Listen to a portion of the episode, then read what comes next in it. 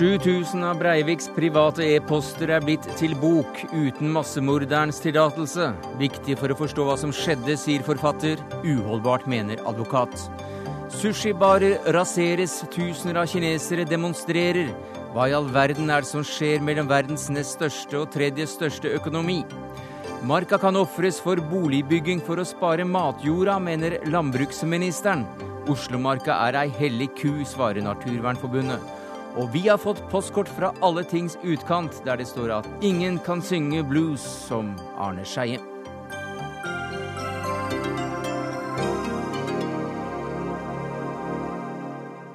Ja, det er noen av sakene denne mandagen i Dagsnytt 18, der vi også følger rettssaken mot den tidligere redaktøren av News of the World, som startet i dag. Mens vi starter med at 7000 e-poster til og fra Anders Behring Breivik nå er blitt til en bok uten massemorderens viten. Kjetil Stormark, du, Stormark, det er du som kommer med denne boka, 'Massemorderens private e-poster'. Hva slags materiale er det i denne? Det er e-poster som strekker seg fra en treårsperiode fra 2008 og fram til 2011 som forteller både om hverdagslige gjøremål som Breivik er involvert i, men, men, i enda større grad og mye viktigere om de konkrete og praktiske forberedelsene han gjør til å gjennomføre terrorangrepene 22.07. Og I så måte så representerer e-posten en innsikt, en kunnskap om både hvordan han jobba eh, for å gjennomføre det som ble det verste angrepet mot Norge siden andre verdenskrig, og i tillegg eh, hvordan han fremsto og opptrådte i mellommenneskelige relasjoner som har endt opp med å være altså hva som foregikk i hans hode, som har endt opp som å være det viktigste stridsspørsmålet i tiden etter 22. juli. Men du har fått det fra hackere? Det gjorde jeg. Eh, seks dager etter terrorangrepene så ble jeg kontaktet av hackere som jeg hadde fulgt i fire måneder på oppdrag for et magasin som heter Plott. Eh, skrevet en svær reportasje om dette hackermiljøet. Og De var like rystet som resten av Norge over det som hadde skjedd 22.07. De engasjerte seg på den måten de kjente best, uten min viten og min medvirkning. Hentet ut eh, flere tusen av disse e-postene og spurte om jeg kunne overlevere dette materialet til politiet, noe jeg òg gjorde. Som da de hadde samlet inn ulovlig? Ja, det er helt åpenbart. Eh, de har brutt norsk lov ved å gå inn og skaffe seg uautorisert adgang til disse e-postene. Det er helt korrekt. Men hvorfor er det da så viktig å formidle 7000 personlige e-poster eh, som er kommet eh, for dagen på en ulovlig måte? Dette handler ikke om eh, e-poster fra et hvilket som helst menneske. Dette er e-poster som belyser hvordan norgeshistoriens mest dramatiske hendelser siden andre verdenskrig, som jeg sier, eh, ble gjennomført og planlagt. Eh, det kan være informasjon i disse e-postene som gjør det mulig å bygge en gjerningsmannsprofil for soloterrorister, som det heter. Personer som angriper på egen hånd eh, fra den høyre ekstreme fløy. Her er det andre som helt åpenbart deler hans eh, politiske overbevisningsgrunnlag. Det har vært pågripelser den eh, seneste tiden både i England og i Tsjekkia. Sånn at det, det, det haster i mine øyne å få dette materialet gjort tilgjengelig. Og her er det sånn at eh, norsk politi arbeider innenfor sine rigide rammer for informasjonsdeling. Og det er veldig lite grunn til å tro at det materialet politiet sitter på, altså de e-postene de har kopier av, vil bli gjort tilgjengelig for forsker, forskningsmiljøer. Men, dette er det bare faktisk jeg som kan gjøre, gjennom å gjøre dette materialet som jeg har sittet på i over et år, tilgjengelig for, for allmennheten. Ja, for Du begrunner det bl.a. ut ifra at eh, det er med å gi oss et mer fullstendig bilde av eh, massemorderen. Eh, et, så vi kan gjøre opp, oss opp en mening ut fra et bredere grunnlag. Men da også ut ifra at du sier at noen av e-postene kan belyse at noen har påvirket ham helt klart utenfra? Her er det mest interessante, og det er litt uh, snodig at jeg sier dette, men det mest interessante i e-postmaterialet er det som er borte. Og eh, Her har jeg jo hatt tilgang til ganske store mengder politidokumenter i arbeidet med denne boka. Det får jeg bare være åpen på, for det kan den opplyste leser få øye på ved å lese fotnotene i boken. Mm. Eh, jeg har sammenholdt eh, store mengder informasjon for å eh, se etter eh, tegn eller trekk ved e-postene som jeg syns er underlige. Og en av de tingene som Breivik har vært veldig avansert på, er at han har slettet mye informasjon. Mange e-poster er borte. Han har skjult sine spor på nettet. Og eh, Hvis du sammenholder det du ser i e-postene, eh, litt sånn eh, stykkevis og delt, noen ledetråder her og der, med informasjon f.eks. om kommunikasjonen som er kommet fram, eller informasjon om kommunikasjonen til Breivik med meningsfeller, som er kommet fram av andre informasjonskilder, så viser det at eh, Breivik har vært raffinert, avansert, systematisk over tid i kontakten med, med eh, folk som deler hans overbevisningsgrunnlag. Som kan ha vært med å påvirke han til å gjøre den udoden? Det er helt åpenbart når han har samlet mer enn 8000 e-postadresser for å sende manifestet til nasjonalister i Europa mm. som han mente skulle føre denne kampen videre at han har hatt mye og omfattende kontakt og reisevirksomhet. Mm. Men du er da uh, på jakt etter en reaksjon fra politiet på dette materialet, som du også da ga videre på vegne av denne hackergruppa allerede forholdsvis tidlig i etterforskningsprosessen. Uh, hva mener du politiet burde gjort med disse, da? Når vi har fulgt rettssaken, så nevnes ikke disse 7000 e-postene i særlig stor grad? Det som jeg stusset over når jeg satt og hørte på den ene dagen i rettssaken som var satt av til å forklare eh, om hva politiet hadde funnet ut gjennom sin etterforskning, jeg tror det var 28. mai i rettssaken at det skjedde, så var det veldig, veldig mange svar vi ikke fikk. Eh, veldig mange puslebiter som vi mangler fortsatt i forståelsen av eh, spesielt Breiviks internasjonale kontaktskapende virksomhet. Og du mener noe av nøkkelen kan ligge her, hvis de hadde etterforsket? Ja, jeg mener at det er helt avgjørende at politiet etterforsker denne saken videre med stor tyngde. Og jeg ble veldig veldig urolig når eh, vi nå faktisk faktisk etter sendingen har fått høre at politiet nå vurderer å legge ned hele etterforskningen ja. fra og med i morgen. NTB melder klokka 17.01 i ettermiddag trolig går politiet inn for en nedleggelse av etterforskningen. Og Det er i så fall en politimessig skandale, og hvor man spiller hasard med nordmenns liv. Eh, jeg vil si det så sterkt fordi her er det helt åpenbare ledetråder som jeg ser etter å ha gjennomanalysert dette materialet i over et år mm. og sammenholdt det med informasjon fra andre kilder. Her er det ubesvarte spørsmål som vi må gå nærmere inn i. Det vil altså politiet antagelig ikke gjøre, i hvert fall ifølge meldinger fra NTB. Politiet er selvsagt invitert til Dagsnytt 18, men uh, kom ikke. Men du gikk også til politiet med dette eh, materialet. Eh, men du hadde dine mange anelser, så du gikk jammen ikke alene? Nei, eh, dette var jo dagen etter at Fjordmann var eh, avhørt, eh, med ganske store innslag av dramatikk. Eh, ingen sammenligning for øvrig, håper jeg, sånn for min del, at det var i en litt annen kategori av de som ble avhørt. Ja, Du er en kjent gravende journalist, med vært leder for for denne Scoop-avdelingen for journalister med gravende journalistikk som, eh, som eh, spesiale, selv mottatt mange av de prisene. Ja. Men det, det, er jo likevel sånn at jeg hadde ingen garantier for at politiet ville velge å møte meg på en redelig måte. Så jeg var faktisk forberedt på å bli, ja, bli siktet eh, og pågrepet. Eh, og hadde noen som ventet på meg på utsiden for å kunne varsle videre dersom det ble mer dramatikk enn jeg ville sette pris på sjøl. Men det gjorde heldigvis ikke politiet. Det var en ganske edruelig avhørssituasjon. Men hvorfor i all verden, eller hvordan kom du deg unna med dette, dette spørsmålet? Hvorfor i all verden er det du som fikk det? Det, det, materialet? Det er litt vanskelig for meg å svare på, fordi det valget tas av andre enn meg. Men jeg kan jo bare resonnere meg fram til den sannsynlige forklaringen. Og Det er jo eh, knyttet til at jeg da har fulgt dette hackermiljøet i fire måneder bortimot på heltid. Og eh, forhåpentligvis etablert en form for tillit som gjorde at de valgte å stole på meg i den sammenhengen. Men det, det, er det vanskelig for meg å svare på selv, tror jeg. For magasinet Plott, som også da driver med gravende eh, journalistikk. Men uh, dette miljøet, eh, er det stort? Er det mange som har hacket? Og hvor mange e-poster er det de, eller kontoer er det de har funnet fram til? Dette miljøet varierer litt i størrelse alt etter når du spør. Eh, det som er, dette er veldig flyktig miljø som forandrer både konstellasjoner, organisering og, og antall hoder, alt etter eh, hva som foregår til enhver tid. Det fins eh, nok en hard kjerne på et sted mellom ja, 20-25 mennesker. I Norge? I Norge, som nok var de som sto for angrepene mot Arbeiderpartiet og Høyre sine nettsider i april 2000. Så de gjør sterkt ulovlige ting? De gjør ulovlige ting. Men, men, i forhold til den internasjonale sammenhengen, så er de for uh, småspillere. Mm. Hvor mange e-postkontoer er det de eh, klarte å brekke opp? Ja, de, ga, de ga meg tilgang til fire e-postkontoer uh, som en følge av sitt engasjement. Hvilken tidspok er det vi snakker om? E-posten er fra en periode fra 2008 og fram til terrorangrepene ble begått. I tillegg så fikk jeg også kopier av en god del meldinger som ulike personer sendte til Breivik i timene etter mm. terrorangrepene, som i seg sjøl òg er ganske eh, rystende lesning.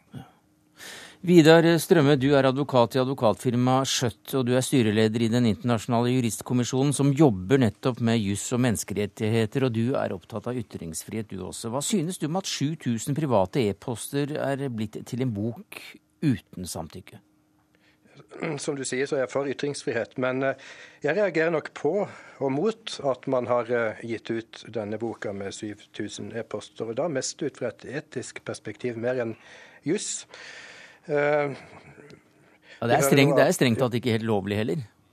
Nei da, det er ikke lovlig. Men, men jeg synes, det er ikke lovlig å hacke. Men uh, hvis det som bringes fram er viktig nok, så syns jeg vel at uh, jussen av og til får vike. Vi har f.eks. i samme 22.07-sak det eksempel at man publiserte de første uh, psykiatriske sakkyndigrapportene. Uh, Lovligheten kan diskuteres, men det var forbilledlig og viktig og uh, førte til konsekvenser. Det som nå er publisert, uh, fører ikke til konsekvenser, sannsynligvis. Man publiserer e-poster som også har minst 7000 andre mottakere og sendere. Og uten hensyn til Breiviks person, så, så er det viktig at e-poster som, som, er private, ikke publiseres hvis ikke det er veldig viktig. Og i vår sak her nå så virker det kanskje som det mer er å gjøre seg viktig enn å uh, publisere noe som er mm. viktig. Stormark, gjør du deg viktig? Jeg er litt usikker på hva jeg skal svare på det. Ehm, hadde jeg ønsket å eh, gjøre meg sjøl til en hovedperson, så hadde jeg kanskje valgt å utnytte dette materialet seks dager etter terrorangrepene. og kunne sikkert ha tjent eh, en god slant på det òg. Det har aldri vært poenget mitt. Eh, eh, poenget har vært å håndtere dette på en forsvarlig, ryddig og skikkelig måte uten å ødelegge for politiets etterforskning. Og samtidig gjøre dette materialet mm. tilgjengelig som det historiske materialet det er. Eh, jeg har respekt for den grunnleggende juridiske argumentasjonen i forhold til at vi skal ha respekt for opphavsrettens eh, måte grunnsteiner. Jo, men Høyre Strømme reagerer mer på, det rettsvernet. Men samtidig så har Anders Behring Breivik gjennom sine handlinger satt seg utover det ordinære mm. rettsvern som jeg mener at en vanlig borger må kunne forvente å ha. Strømme.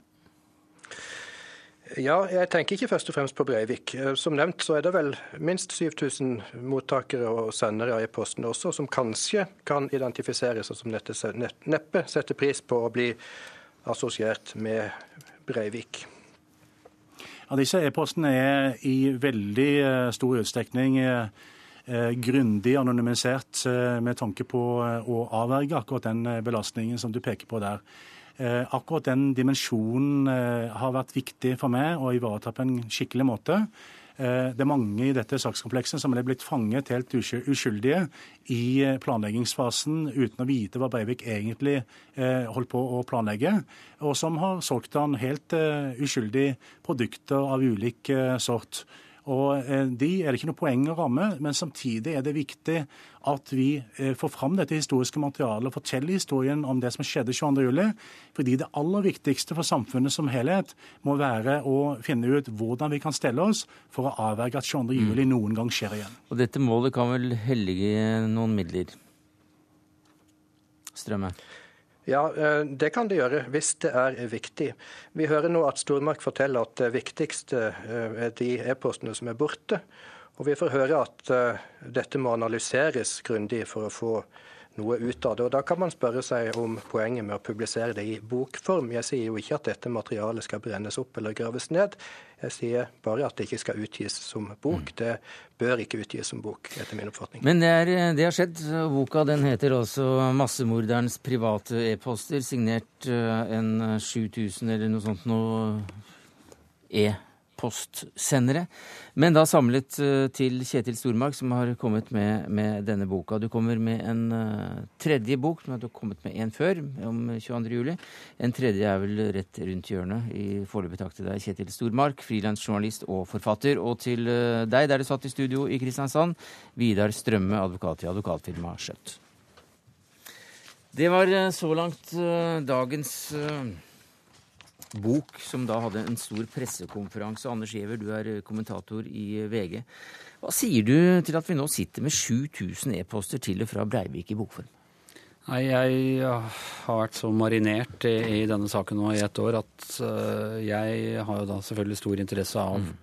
å lese den boken. Uh, og, og, større interesse kanskje enn en den jevne nordmann, fordi det er jo på en måte likt og ulikt her. En stor samling av av nettopp e-poster. Alt fra bestillinger og litt sånn klage på fakturaer og, og, og spørsmål om å få uh, tilbakebetalt for tid ikke benyttet på treningsstudio, til uh, ting som er ganske interessant, og som går rett inn i saken og hvem Anders Behring Breivik er, og hvem han var på mm. forskjellige tidspunkter. Ja, Hva syns du er mest interessant her? Jeg syns kanskje det mest interessante er i begynnelsen å lese en god del av de debattinnleggene han skrev i 2002 Eh, for, tolv, for, ti år siden. Det var altså den perioden hvor han ifølge eh, aktoratet og ifølge den første eh, rapporten som evaluerte hans psykiske helse, ennå egentlig ikke hadde, hadde, begynt på noe sånn politisk prosjekt i det hele tatt. I retten ble det mye framstilt som det kom de siste årene, fra han flyttet hjem til moren sin.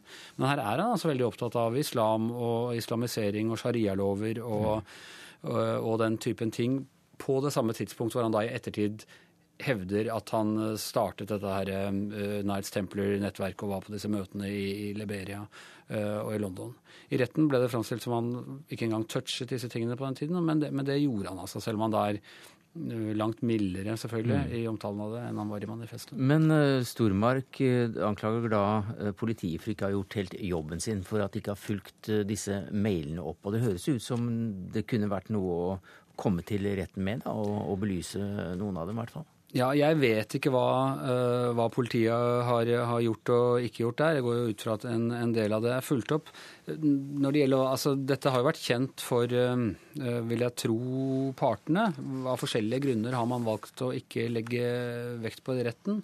Aktoratet var ute etter en sånn, eller fortalte en sånn historie basert da på den første rettssakkyndigrapporten om at Eh, Anders Behring Breivik ble psykotisk en gang rundt 2006 eh, og fikk et funksjonsfall mm. og, og, nærmest ved en tilfeldighet grep til uh, de, disse anti-islamske tingene som han fant på nettet. Så for dem var det vel da ikke spesielt interessant å, å trekke fram hva, hvordan han så på verden i, i 2002.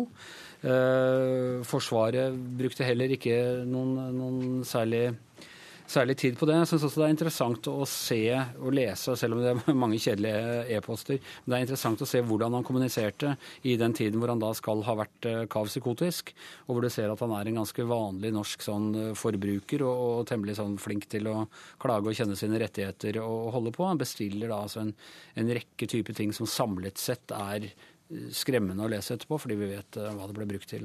Politieffekter og blålys. Og, Boka kommer også samme dag som NTB melder om at uh, politiet trolig i morgen går inn for å, å nedlegge etterforskningen. Ja, jeg er jo tilbøyelig til å være enig med Stormark at det, det Altså, vi vet fra internasjonal utvikling at, at det er andre som går i de sporene som Breivik går i, og vi vet at han er i ferd med å, å Eh, danne et slags sånn eh, løst nettverk eller å kommunisere med, med folk rundt omkring. Mm. Så jeg syns vel at det er grunn til å holde fortsatt et øye med hva som eh, foregår der, med, med utgangspunkt i Breivik, og hvem han hadde kontakt med i, i tiden før terroraksjonen. Ja, for nå legger vi disse 7000 e-postene til side, eh, som da altså ble formidlet for det meste før fengslingen. Men i dag har massemorderen Anders Behring Breiving etablert sitt eget fascistiske propagandakontor på cella. Det kan og må stanses. Ja, det, det, skrev altså politisk redaktør i avisa di for en stund tilbake, Anders Giæver. Du er ikke forpliktet til å være enig i det i det hele tatt, men hva slags dilemmaer er det eh, dette stiller rettsstaten overfor?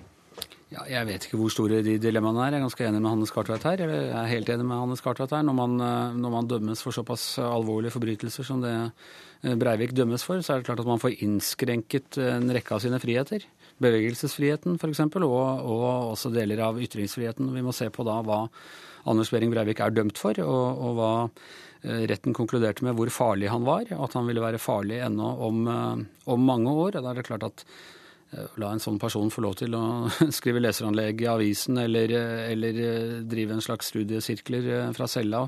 Selv om han, vi kjenner språket hans nå. Hvis han, han, snakker om å forsvare Norge eller forsvare nasjonen, så vet vi at det betyr å, å drepe uskyldige mennesker. Og det syns jeg det må være sterke restriksjoner på, hvordan han skal få holde på på den måten. Hva sier du til det, advokat Jon Wesselås? På helt generelt plan så det er jo sånn at hans eh, ytringsfrihet er jo vesentlig begrenset der han sitter på såkalt høyrisikoavdeling. Eh, for det første har han ingen fri tilgang til verden. Alt han får lov å kommunisere ut i det hele tatt, gjennomkontrolleres og er altså rett og slett underlagt sensur. Slik at uh, han har jo ikke adgang til å ytre seg ulovlig ut av cella til omverdenen. Han får heller ikke adgang til å planlegge ny terror med noen.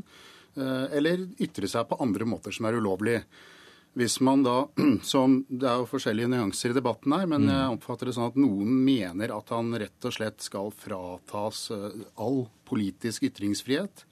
Altså at han, eh, Hvis vi da forutsetter altså det som ellers er lovlige politiske ytringer For det er jo, eh, vil noen si dessverre, det er jo lov å ha ekstreme oppfatninger om eh, innvandring eller hva det måtte være. Det er selvfølgelig, selvfølgelig ikke lovlig å følge opp den ideologien slik Breivik dessverre gjorde i fjor. Men ideologien, det, det bør han få lov til? Ja, altså jeg sier det, det, er farlig å begynne å tenke sånn at man skal frata noen fullstendig sin politiske ytringsfrihet hvis vi snakker om lovlige ytringer. Fordi eh, da er det litt tilfeldig da, hvilken ideologi sitt navn noen finner på å gjøre sånne handlinger i. Noen kan gjøre sånt i Guds navn. Eh, folk kan gjøre det i alle mulige ideologiers navn. Eh, du kan, altså For å si det sånn, et ekstremt tilfelle. Det kan jo til og med noen finne på å gjøre det i arbeiderbevegelsens navn. Mm. Og så kan man da si at da får de ikke lov å ytre seg om den bevegelsen etterpå. Det er betenkelig. Kari Helene Partepoli, du er leder for Antirasistisk Senter, og du vil ikke at Breivik skal få kommunisere med omverdenen om sin politiske ideologi? Nei, vi er veldig kritiske til det. Eh, fordi at jeg mener at i Breiviks eh, tilfelle så er det veldig vanskelig å skille eh, Eller jeg mener det er umulig å skille hans politiske ideologi og hans handlinger. Breivik er jo en kriger. Han, han driver en kamp. Han er en enmannscelle, som han skriver, som ønsker å skape nye brutaliteter, nye former for brutalitet. Og, og for han, han, knytter selv ideologien og volden tett opp til hverandre. Og jeg mener at dette ville, tror jeg, den debatten tror jeg at vi også ville hatt hvis det var en eh, islamist som satt inne for eh, så og så mange drap. Tror jeg vi ville også ha vært eh, alle sammen veldig tydelige på at man ikke skal fortsette med denne, å spre denne ideologien fra, fra cella. Men det jeg også vil bare gjerne si, én ting er ideologien hans. Men hvis det stemmer, de brevene som ligger ute på nett nå, og som VG også har omtalt, hvis dette stemmer at det er brev fra Breivik, så er ideologien én sak, men det er helt prekært. Det helt prekære er det han faktisk ser ut til å sitte og gjøre. At han faktisk ser ut som han skriver til andre meningsfeller. At han har skrevet til Russland. Eh, at han, eh, at han skriver ganske konkret hvordan han ønsker å planlegge et fengselsnettverk. Hvordan han ønsker å planlegge ting eh, internasjonalt, og hvordan dette også da får gehør på nett.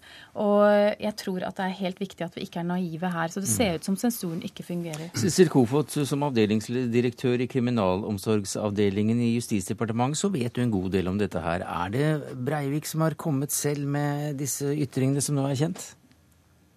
Eh, jeg ønsker først og fremst å få presisert at kriminalomsorgen har et viktig samfunnsansvar som innebærer at vi skal motvirke straffbare handlinger. Og Det betyr at vi har plikt til å unngå at innsatte sender ut brev med oppfordring til straffbare handlinger, eller som er et problem i forhold til ro, orden og sikkerhet. Når det gjelder hvilke brev han får sendt ut, så syns jeg det også er veldig viktig å si at på særlig høyt sikkerhetsnivå så er det en klar regel som tilsier at all korrespondanse som vedkommende som sitter der sender ut, det skal gjennomleses, og innholdet skal kontrolleres veldig nøye. Og Jeg har også lyst til å si det at vi har eh, funnet grunn til å presisere hvordan regelverket vårt skal forstås på denne måten, og presisere at det er relevant også å se innholdet i det enkelte brev i en kontekst i forhold til det vedkommende, altså det straffbare forholdet som vedkommende har begått. Men da kan vel du si om det faktisk er mulig at det er Breivik som har sendt disse brevene selv, som da er referert bl.a. i VG, der han snakker om å bygge opp nettverk fra fengselet? Ja, nå kan ikke jeg kommentere eh, de brevene, for jeg har faktisk heller ikke lest VG i dag. Jeg befinner meg akkurat nå i Danmark. Eh, så akkurat det kan jeg ikke kommentere. Men, men jeg har lyst til å si igjen at eh, vi tar brevsensuren, eller brevkontrollen, på det høyeste alvor. Og vi er opptatt av at det skal ikke sendes ut brev med oppfordring til straffbare handlinger eller eh, andre brev som, som, som, er problematiske i forhold til sikkerheten. Og her, i det vi sitter her, så sitter vi også med en bok som du har hørt eh, helt til Danmark, med, med 7000 e-poster. Men e-poster, det får han ikke sende? Nei, han får ikke sende e-poster. Han har tilgang til en PC på cellen per i dag, men han får ikke sende e-post.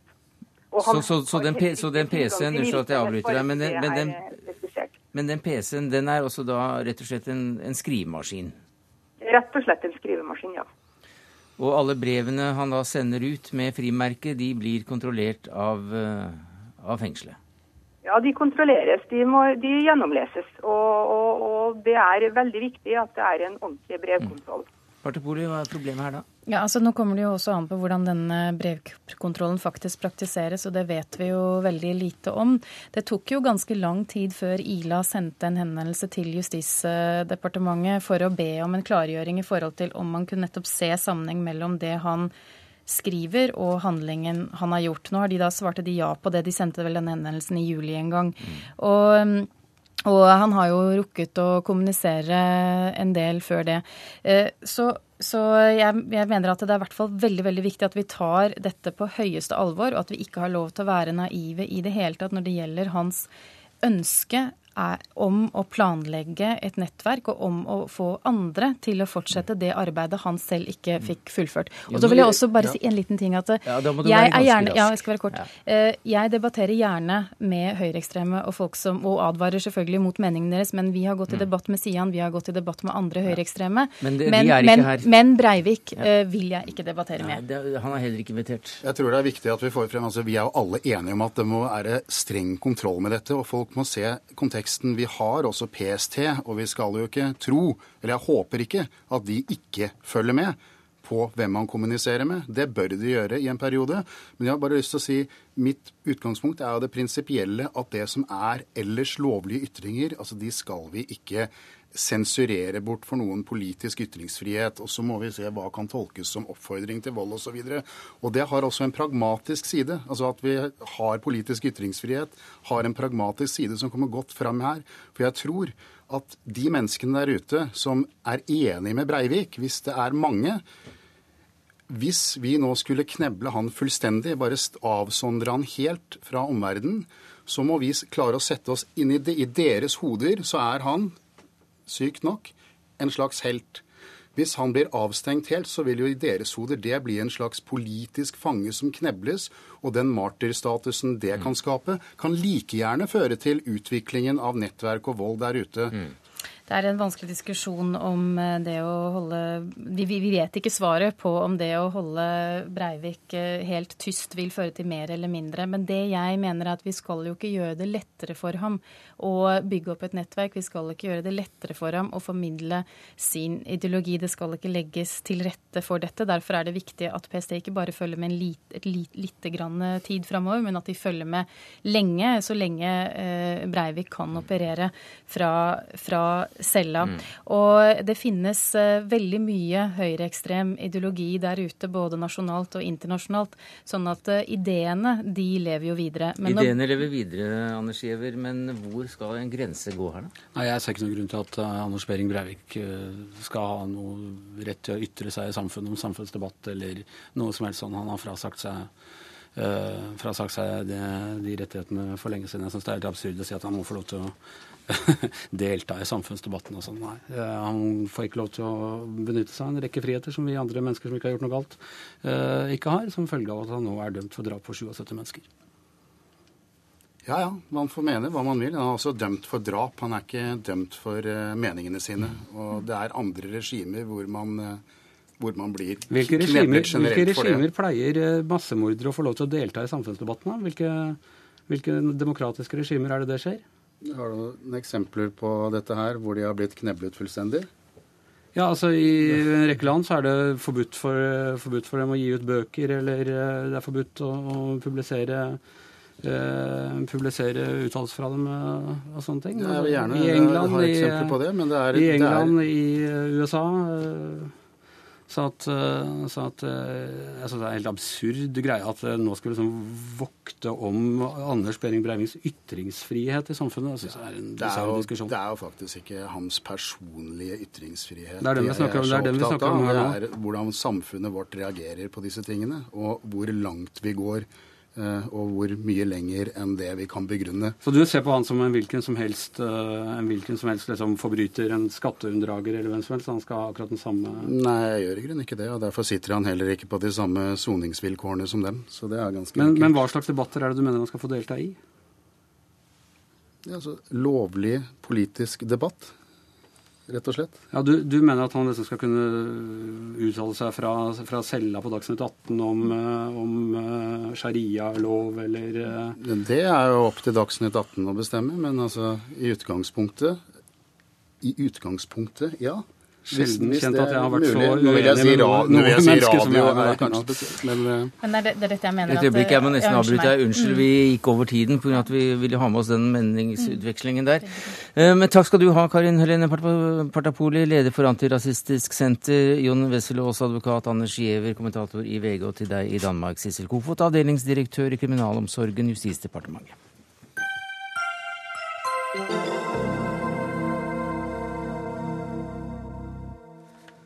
I landet med verdens nest største økonomi er folk forbanna på landet med verdens tredje største økonomi. I minst 25 byer i Kina har det vært antijapanske demonstrasjoner de siste ukene. I forrige uke ble Japans ambassadør i Kina angrepet av demonstranter, og det i Beijing. Og Harald Bøkman, Kina-ekspert, koordinator for Asia-studiet ved Senter for miljø og utvikling ved Universitetet i Oslo.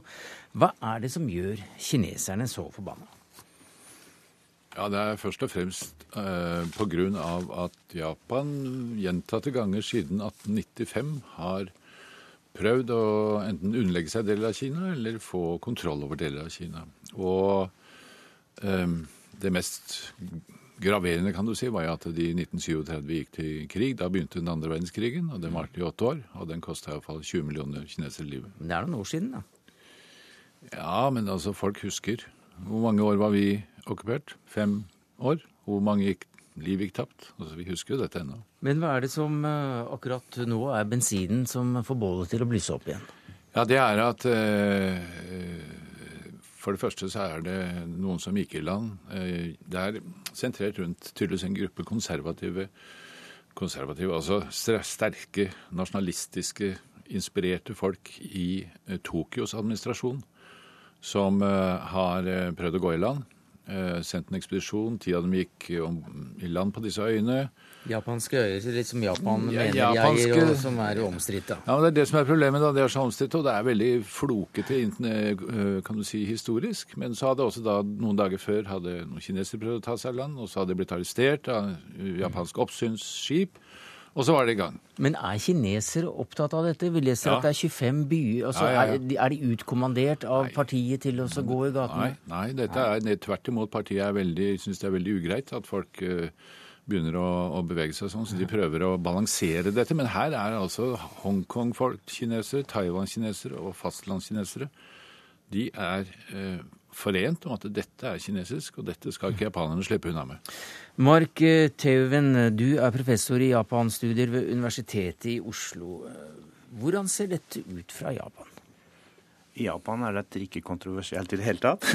det vil si um, Men de registrerer vel at det er demonstrasjoner ja, og, ja. og, sinne i, uh, i Midtens rike? Ja, jeg var Ehm, jeg, jeg satt faktisk og overhørte en diskusjon mellom en kineser og en japaner om dette her eh, forrige uke i København. Og så spør kines, japaneren, kineseren som bor i Japan, Jeg skjønner ikke hvorfor Hvordan kan kineserne tro at dette ikke er japansk? Hva, hva er, hvor kommer den, den, den, den, rare forestillingen fra? Fordi det er jo helt entydig, og det er holdningen i Japan. Og så Samtidig så er det litt sånn det samme som i Kina. Du har en offisiell politikk som er egentlig innrettet på forsoning og samarbeid, og prøver å løse opp i konfliktene som, som gjør samarbeid med Kina vanskelig, på den ene siden. Og så på den andre siden har du da en eh, har du da, eh, eh, folkelig oppgjør, eller i hvert fall en, en, en mindre gruppe eh, kan godt si høyre høyre, nesten høyreekstremistiske folk, faktisk, som eh, aktivister, som, eh, som, gjør alt for å holde den konflikten i gang. Og den, den, saken her med altså den guvernøren, altså egentlig ja, guvernøren for Tokyo, som vil kjøpe disse øyene En vil han, kjøpe øyene? Ja, han vil kjøpe øyene med Tokyos penger. Ja. De er private eh, nå, og han vil kjøpe dem. Og, eh, for, og, det er en sånn slags har en veldig kjent sånn eh, venstre, nei, høyre-populistisk politiker som vil tvinge regjeringen til å gjøre noe. Og regjeringen har nå prøvd å by over sin egen Tokyo-guvernør for, for, å hindre at denne høyreekstreme høyre personen, som er også veldig kjent og omstridt i Kina, skal få kloa i disse øynene og skape til enda mer brudulje. Så du ser hele tiden en sånn ovenifra at ro dere ned, og nedenifra folk, så, aktivister altså, som, som, raker i ilden. Som i Kina? Ja, ja, ja. Ja, det, det, har vært, eh, det, har gått hardt for seg. Altså, bilen til den japanske ambassadøren ble ja, nærmest raida, og de tok flagget hans. Eh, så, men det er jo ikke første gang. Altså, dette går tilbake helt egentlig til 1970-tallet. Slutten av 70-tallet. 90-tallet. 2010 var det siste gang. Og dette avføder da f.eks. boikott av japanske varer. Mm. Det pågår nå igjen. Dette har de drevet med siden 1915, så dette, dette kan de også. Men dette, jeg mener altså faktisk, hvis du ser da på hvordan Japan har hersa med Kina siden 1895, så er det ganske forståelig at det Og Japan, Japan, eh, sentralt har vel ikke beklaget en god del av disse overgrepene som de har eh, begått? Det er veldig vanskelig. Altså, det har vært mange beklagelser, men det er fra både statsministre og til og med fra keiserhuset f.eks., men mhm. som aldri har da blitt godtatt av kineserne. Um, av, ja, av, og til av forståelige grunner, altså. Men uh, jeg tror at um, i Japan så er det litt sånn Det har, det har blitt sånn at um, altså, å beklage seg igjen overfor Kina, det er på en måte å gi seg. Det er, og, og, og det, er veldig, det er viktig å, å, sette en strek i sanden. Altså, vi lar oss ikke presse av Kina. Nå er Kina blitt så stort og truende. Altså, og, og en, en, japansk politiker ja, Japanske politikere har aldri vært veldig veike og kompromiss og grå osv. Og, så og hvis man skal skille seg ut, så skal man liksom ta en tøff linje. Og det er to kulturer som uh, har tradisjon for ikke å ville på ansikt. Ja, det er jo helt klart. Altså, eh, Japan har beklaget, men også vel ikke uforbeholden, sånn som jeg skjønner det. Sånn som f.eks. Tyskland gjorde. Men det er en annet element her også, for dette falt jo sammen med 67-årsdagen for Japans endelige eh, kan si, Da de ga seg etter den andre verdenskrigen. Eh, samtidig besøkte to japanske ministre et Yaskuni-tempelet, der åndene til bl.a. det som ble sett på som krigsforbrytere holder til. Så det var et sammenfall her av eh, en del eh, opphopning av noen symbolske datoer som gjør at dette blir spesielt kan du si, antennelig. Men landene er vel helt avhengig av hverandre? De er hverandres store handelspartnere? Ja, og det man alltid sier, ikke sant, er at Japan og Kina har blitt så sammenvevd i økonomien, så er, de, ikke, de, har ikke råd til å krangle sammen lenger. Um, jeg kan ikke se at det har blitt noe mindre krangling for å si det sånn, av det, av det faktum at de har blitt så sammenvevde. Så, så jeg tror det er også litt en, for enkelt å si at altså de, eh, nå må de bare bli venner fordi de har investert i hverandres land. Mm. Det, det, er så mye følelser i sving, også, ikke bare følelser, men også faktiske verdier. Fordi det er jo Japans Svalbard, eller Japans Svalbard. Ja, ja, ikke sant? disse øyene. Så, Det har vel noe med grenser og olje og, og ressurser også å gjøre, dette her. Det er helt åpenbart. Det er, men det er visstnok slik at når eh, kontinentalsokkel og landene ligger sånn som det ligger, så er det de to statene sjøl som må finne en løsning, og ikke FNs eh, havrettskommisjon. Og Foreløpig så har altså ikke det gått så veldig bra, så vi får vente og se, Harald Bøckmann. Takk skal du ha som Kina-ekspert, og Mark Taven som Japan-ekspert.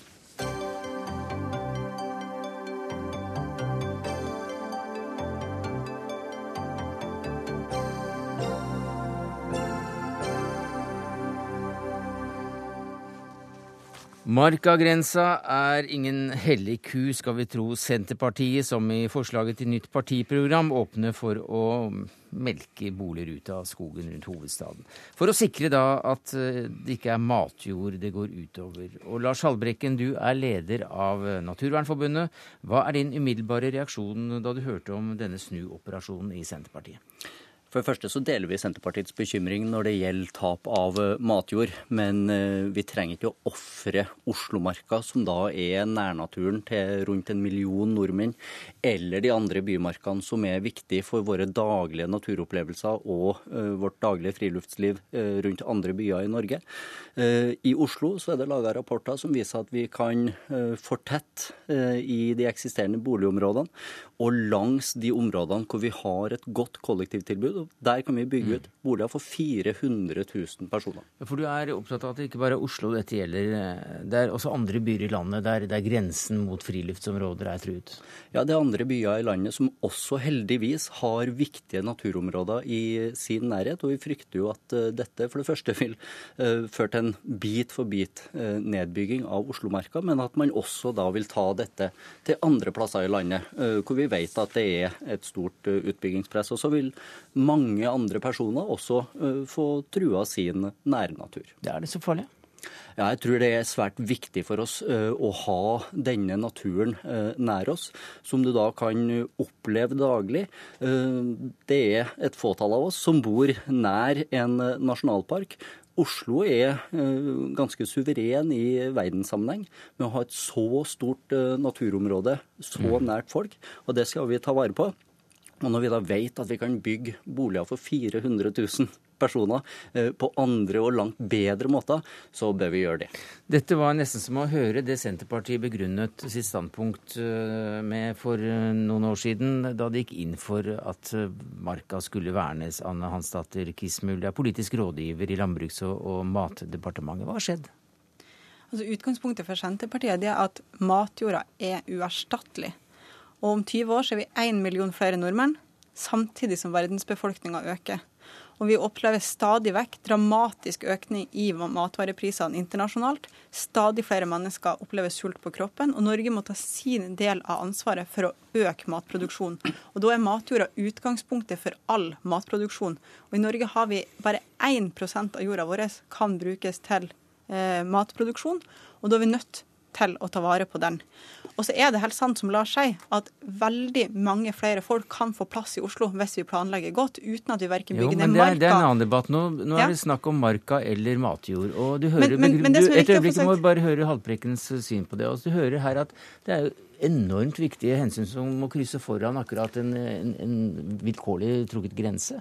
Vi er helt enig i at vi skal beskytte matjordressursene våre, men vi trenger ikke å ofre verken Oslomarka eller de andre bymarkene eh, for å gjøre det. Og jeg kan jo returnere spørsmålet til Senterpartiet, for hvis Senterpartiet faktisk hadde vært så opptatt av den uerstattelige matjorda eh, som vi også er med på å slåss for, så hadde de ikke lagt så mange kilometer eh, med vei utover viktige matjordressurser på det sentrale østlandsområdet, som man har vært med på å gjøre gjennom uh, ministerposten i er Samferdselsdepartementet altså. de siste årene. Nei, Det som er eh, sant, er at vi kan få plass til mange flere uten at vi verken bygger ned det ene eller det andre. Det Men hva med å bygge det firefelts motorvei rundt omkring over matjord, som Senterpartiet er med på? Også som eh, innehaver av regjeringsposten. Nei, Det er helt klart at vi har bygd ned altfor mye matjord i de siste tiårene. Også med Men- veiene. Ja, og med veiene. Og det er en av de store nedbyggingene som skjer i Norge. Det har vært gjennom veibygging. Men de siste årene har vi klart å snu siden denne regjeringa overtok.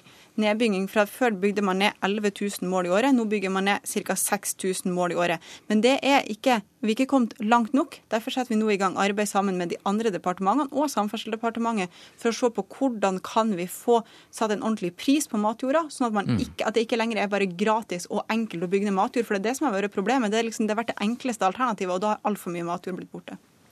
Det er helt riktig at man har klart å redusert nedbygginga av matjord noe. Men vi ser framover nå. Det planlegges flere store veiutbygginger på det sentrale østlandsområdet, hvor vi kommer til å legge kilometer med asfalt over den mest verdifulle dyrka marka. Og jeg håper jo da at Senterpartiet kommer til å reise seg opp og si at det er ikke aktuelt. Disse veiene må bygges på en helt annen måte, langt mer skånsom måte, både for matjorda, eh, for naturen og eh, for miljøet. Og så bør vi i stedet bygge boliger eh, mm. inn mot sentrum der, og fortette de boligområdene vi har, og langs de områdene hvor vi har et godt kollektivt. Det rådet tar sikkert Anne Hansdatter Kismul med seg og overlever til ministeren for transport og den slags. Men som politisk rådgiver i Landbruks- og, og matdepartementet, altså, hvor mye av marka, Oslomarka skal tas da, som eh, på, på, på matjordas alter? Nei, det er på, altså det er ikke et mål for Senterpartiet å få Nei, det skjønner, det skjønner jeg. Men, men, også, men hva, hva, tenker dere rundt grensen, og hvor, hvor skal den nye grensa gå? Skal det ikke være noen grense i det hele tatt? Hvor... Det Senterpartiet har vært ærlig på her, det er at hvis du får en konflikt der marka står imot matjorda, matjorda så det er matjorda er den viktigste saken for Senterpartiet, og den kommer vi til å slåss for. Men det var ikke det jeg spurte om. Jeg spurte om hvor grensen skulle gå. altså Vi vet alle hvor grensen går nå, i hvert fall noen av oss. Og, og hvor er det Senterpartiet kan tenke seg å sette grensen for å redde matjorda, hvis dette blir satt på spissen? Oslomarka er utrolig stor. Den går i 19 kommuner i fem forskjellige fylker. Og det vi er nødt til å se på, det er hvordan hele Oslo-regionen skal greie å ta imot så mange folk. Mm. Hvor mange prosent av Oslomarka er det dere skal ta? Nei, vi har, vi har ikke et mål om å få bygd ned noen deler av Oslomarka. Men men mm. vi mener at man må kunne se på hvordan man hensiktsmessig skal bygge ut i våre områder for å skape gode bomiljø gode kollektivløsninger og for tett. Og Så får vi da se om første omgang om dette forslaget fra programkomiteen går igjennom, og det skjer vel da i neste uke. Takk skal du ha som politisk rådgiver i Landbruks- og matdepartementet, Anne Hans datter Kismul, til Lars Haltbrekken, leder av Naturvernforbundet.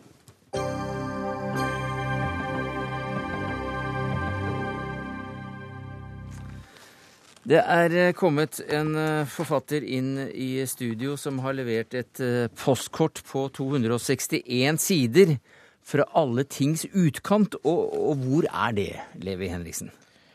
Det er vel blant annet der jeg holder til, da. I Kongsvinger. Grensebyen, Glommabyen Kongsvinger. Liksom litt midt imellom alle steder og ingenting. Vi har ennå ikke bestemt oss om vi skal se, se, retning eh, Sverige eller retning Oslo. Så derfor denne litt sånn utkantfølelsen i en del av de tingene jeg skriver om. I år så markerer du tiårsjubileum som skjønnlitterær forfatter med en barnebok. Mm. Og da med denne postkort fra alle tings uh, utkant. En novelle, artikkel eller essaysamling.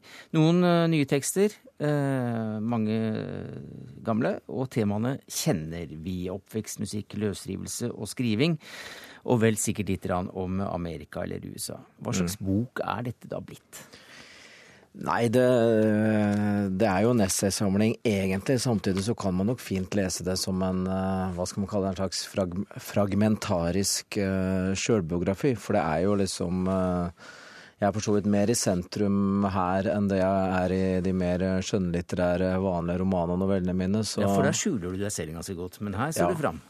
Her står jeg fram, og, og liksom alle disse tekstene, liksom som du sier, det handler jo om min fotballinteresse, skihopp, musikk, eh, religion. og Jeg, jeg, jeg vokste jo aldri ut av bedehuset, kan man jo trygt si. Så, Pinsemenigheten var viktig ja. i oppveksten. Ja.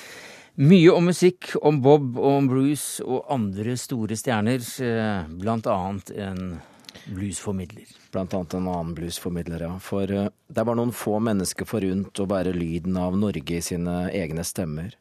Erik Bye var en slik fyr, og Aleksandersen er en annen. Men hans yngre kolleger Preple Hovum, Michael Krohn og Lars Lillo Stenberg må ha meg unnskyldt.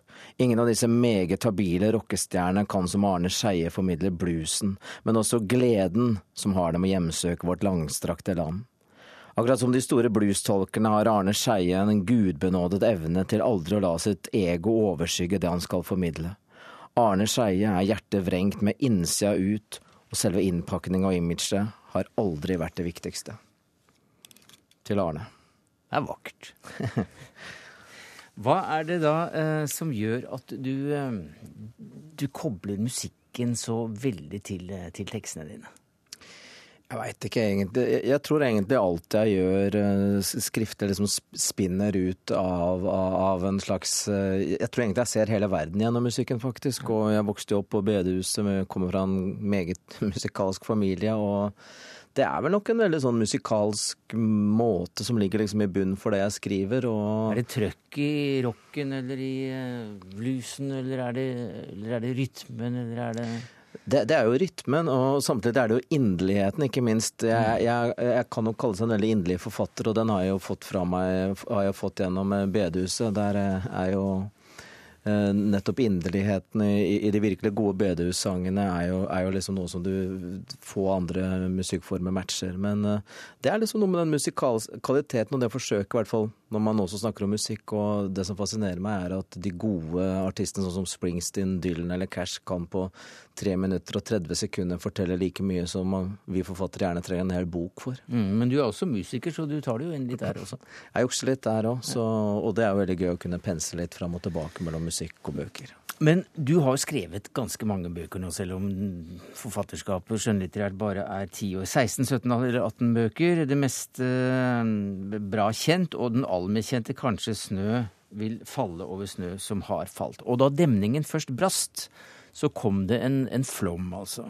Men mm. uh, ifølge Henriksens uh, hjemmesider så var det mange manus som ble refundert. Fryktelig Refusert. mange. Fryktelig mange. Hvor mange? Uh, 87. Så jeg debuterte jo som en forholdsvis voksen mann. Er 38. Da er jo mange av mine store forfatterhelter var jo døde når de, før jeg helt tatt rakk å debutere. Så det har kanskje også gjort at jeg har hatt en forholdsvis høy ut, utgivelsesfrekvens. For det var så mye som lå der? Ja, og jeg hadde jo liksom da klart å, å leve meg opp et liv i mellomtida. Uh, for å være litt stygg, så er det fryktelig ma ma mange bra første bøker som kommer ut, og så kommer det bøker om hvor vanskelig det er å skrive. Det har jeg mm. sluppet mm. enn så lenge. Men noe av dette er jo er veldig alvorlig, dypt. Altså, det er ganske rått og veldig gjenkjennelig, det du skriver om da faren din døde. Mm. Uh, det er ganske elleville kapitler om det å skrive. Mm. Uh, som ganske mange tekster handler om. Mm. Eh, hva er det som får deg i gang til å skrive? Altså, når jeg leser noe av dette her, så virker det så utrolig vanskelig. Du sitter der med blankt ark og har hetta. Ja, øh, det, Nei, altså når det gjelder det å bli inspirert å skrive, så, så, er det alt mulig. Altså Jeg kan gå herfra ut til bilen min og sikkert komme opp på hvert fall starten på en novelle hvis jeg vil. Så, og jeg pleier å si at alle mennesker kan jo bli inspirert. Det er ikke der problemet ligger. Det er når, når du skal skrive ut og få dette til å henge sammen i en novelle, eller for ikke å snakke om en roman. Det er da det arbeidet starter. Men jeg tror faktisk noe av dette er medfødt. At jeg har da en veldig rik fantasi og en evne til å tenke veldig bilder. og når man har en mor som eh, var søndagsskolelærerinne, og jeg vokste opp foran flanellografen, så fikk ja, jeg vel kanskje litt ekstra der. Hva er en flanellograf? Flanellograf er en eh, sånn eh, Jeg liker å si at det er pinsevennenes egen, e, egen Eneste gang de driver med sånn multimediashow, så var det det. For det, altså, du, det er en bakgrunn som du limer fast ved diverse figurer fra bibelfigurer. Flanellaktig stoff. Ja. Mm. Og da, da, da liksom har du en fast bakgrunn, og så har du da nye figurer du kan lime på. Eh, vi som var unge under flanellografen, er jo da en, en kostelig liten eh, tekst her. Men ellers så leser jeg at eh, en kritiker mener at du har en evne også i denne boka til å se idyll i ei bosskorg, skriver Dag og Tid. Ja, det, det, er jo for så vidt fint sagt. Jeg, jo, jeg er jo en stor romantiker, det er jo ikke tvil om det. og både vemodet og den der inderligheten jeg tidligere nevnte, den eh, ligger jo dypt i meg. Men eh, jeg tar jo det som et kompliment. Jeg prøver alltid å se etter det pene i mm. ting som kanskje ikke egentlig er så pene. Jesus og Gerhardsen og bygda og Amerika ja. ja. og kjærligheten. Så er du den raskeste forfatteren, eller er du ikke det når det gjelder touch-metoden? Som, som pinsevenn, og når jeg appåtil er fra Kongsvinger, så er jeg jo litt beskjeden, så jeg liker å si at jeg er i hvert fall én av de tre raskeste, da. Men kan gjerne, vi kan gjerne møte Per Petterson og Jan Kjærstad til duell, så kan vi se hvem som er raskest. Levi Henriksen, det får bli en eh, bok om det. 'Postkort fra alle tungs eh, utkant' er årets. Takk for at du kom til studio. Hør Dagsnytt 18 når du vil på nettradio eller som podkast. nrk.no – dagsnytt 18. Så skal det handle om den store avlyttingsskandalen i britisk presse. For i dag så startet altså endelig denne rettssaken mot tidligere sjefredaktør Rebecca Brooks i News of the World. Brooks fikk som kjent sparken fra avisa etter avsløringer om at uh, avisa hadde gått vel langt i jakten på en uh, god historie, eller hva sier du, kommentator i Dagbladet Inger Merete Hobbelstad? Altså, det er jo et spektakulært fall man nå ser eh, med Rebecca Brooks. Eh, som da hadde en spektakulær karriere, som jobbet seg opp i Murdoch, altså imperiet til da Rupert Murdoch, som er denne mediemogulen som eier alle disse avisene. Som ble det første redaktør av News of the World, så hadde sønn. Så var hun jo da eh, hans høyre hånd i Storbritannia, sjefen for hans eh, britiske gren da, av, av eh, konglomeratet da eh, denne skandalen sprakk i fjor. Og eh, hun jo, var jo en slags, nesten en slags surrogatdatter for Murdoch selv. Han ville ikke slippe henne i det hele tatt, men så måtte han jo gjøre det, for det ble for eh, belastende, dette. Og nå, og siden har det bare rullet utforbakke, og nå hun da, er hun da omsider blitt siktet. Eh, og det gjelder da både for avlytting.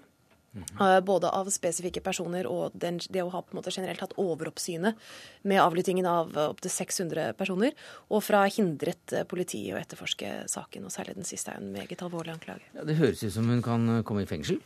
Det stemmer. Eh, hun er jo eh, siktet sammen med flere av sine tidligere kollegaer, bl.a. denne Andy, veldig omstridte Andy Colson, som gikk videre fra denne stillingen til å bli David Camerons pressetalsmann. Han er også en av de åtte som sitter på tiltalebenken her. Og for hver av de avlyttingssakene de er, eh, de er siktet for, så er det en strafferamme på to år. Men når det gjelder dette med å hindre rettferdigheten å skje fyllest, hindre etterforskningen, så er det faktisk noe som innenfor systemet kan straffes med livstid. Men dette brukes i praksis ikke, så de som dømmes for dette, sitter sitter eh, det vel, De sier vel at gjennomsnittstiden er ti måneder. Men det er jo klart, eh, for en som feiret sitt spektakulære bryllup i 2009 med alle partiledere eh, og politiske ledere i Storbritannia til stede, så er jo dette ganske bratt ned. Og, og statsministeren ja. og partilederen. Men hva slags sak er det nå som bygger seg opp rundt, rundt Cameron gjennom disse prosessene? Det skal vel være en seks, syv, åtte stykker som skal i, i rettssalen og, og, og få en dom? Det stemmer. Og altså, du kan si at Jo lenger denne saken trekker ut, og jo alvorligere den blir, jo verre er det jo selvfølgelig for David Cameron, som nok helst skulle sett at dette var eh, borte og gjort ferdig med ut av mediebildet for lenge siden. For, ja, for han har jo... sendt noen meldinger til henne? Og... Ja, det har gått noen forferdelig klamme SMS-er mellom han og Rebecca Brooks, som da har vært eh, omgangsvenner. De har hatt eh, feriested ved siden av hverandre i Oxfordsjø. Um, da, etter at Cameron holdt sin store tale i 2009 til partiet, så fikk han jo en tekstmelding fra uh, Rebecca Brooks der det står 'Jeg heier på deg som en stolt venn', og uh, 'Professionally we're in this together', som da var en slags vri på det at Cameron pleide å si 'we're in this together' til de som hørte på ham, men da med en ganske annen betydning. Altså når, når da sjefen for britiske tabloidpressen bruker det til ham, så skaper jo det naturligvis et uh, inntrykk av en liten Eh, klubb som kanskje styrer mer enn de burde gjøre, og har litt tettere kontakt enn de burde ha. Hun har skrevet til ham om skal vi ta det over et kveldsmåltid på landet snart. Altså den ene eller den andre saken som er avgjørende i britisk politikk. Det har vært et uh, veldig tett eh, forhold, litt uhygienisk tett, og det er nå et noe Cameron nok skulle ønske hadde vært litt mer distansert. Men hun avviste altså alle anklager? Ja. Hun er fast bestemt på å renvaske seg, og hun sier at eh, hun synes dette med altså En av disse avlyttingssakene går jo nettopp på denne drepte 13-åringen Millie Dowler, som mm. var saken som utløste eh, hele denne skandalen. Der er hun jo anklaget for å ha vært direkte involvert. Og hun sier selv at hun finner det spesielt opprørende, ettersom hun har viet sitt journalistiske liv til å eh, beskytte befolkningen mot kriminalitet. Hun var en av dem som kjørte en meget kontroversiell kampanje i, i sine aviser for å altså, presse ta, altså beskrive pedofile overgripere ved navn og bilde og hvor de bodde. Eh, men det er, nok, det er, nok, ikke så mange som tror på dette. Altså Det er snakk om et avlyttingssystem, om du vil, som har vært så, så, massivt, så utbredt. Det er så mange som har vært utsatt for dette, at det at personen på toppen ikke visste om dette, er veldig vanskelig å tro på. Og det er jo også bemerkelsesverdig nå, når du ser noen som har styrt et slags fryktregime. Det er jo noe litt sånn karma som kommer tilbake her, altså, for hun har jo ingen forsvarere. Hun har ikke så mange venner lenger? Nei, de forsvant visst. Men uh, i dag var første dagen. Det var vel bare å, å, å, være til stede og si hva du het, og så fortsetter ja, rettssaken? Ja, i dag var hun i retten i bare fire minutter og bare ga grunnleggende opplysninger om seg selv. Eh, men hele uh, kalaset starter for alvor 26.9. Takk skal du ha, Inger Merete Hobbelstad fra Dagbladet. Det var eh, det vi rakk i Dagsnytt 18 denne mandagen, takket være ansvarlig for det hele dag. Dørum, det tekniske ansvaret hadde Karl Johan Rimstad. Jeg heter Sverre Tom Radøy.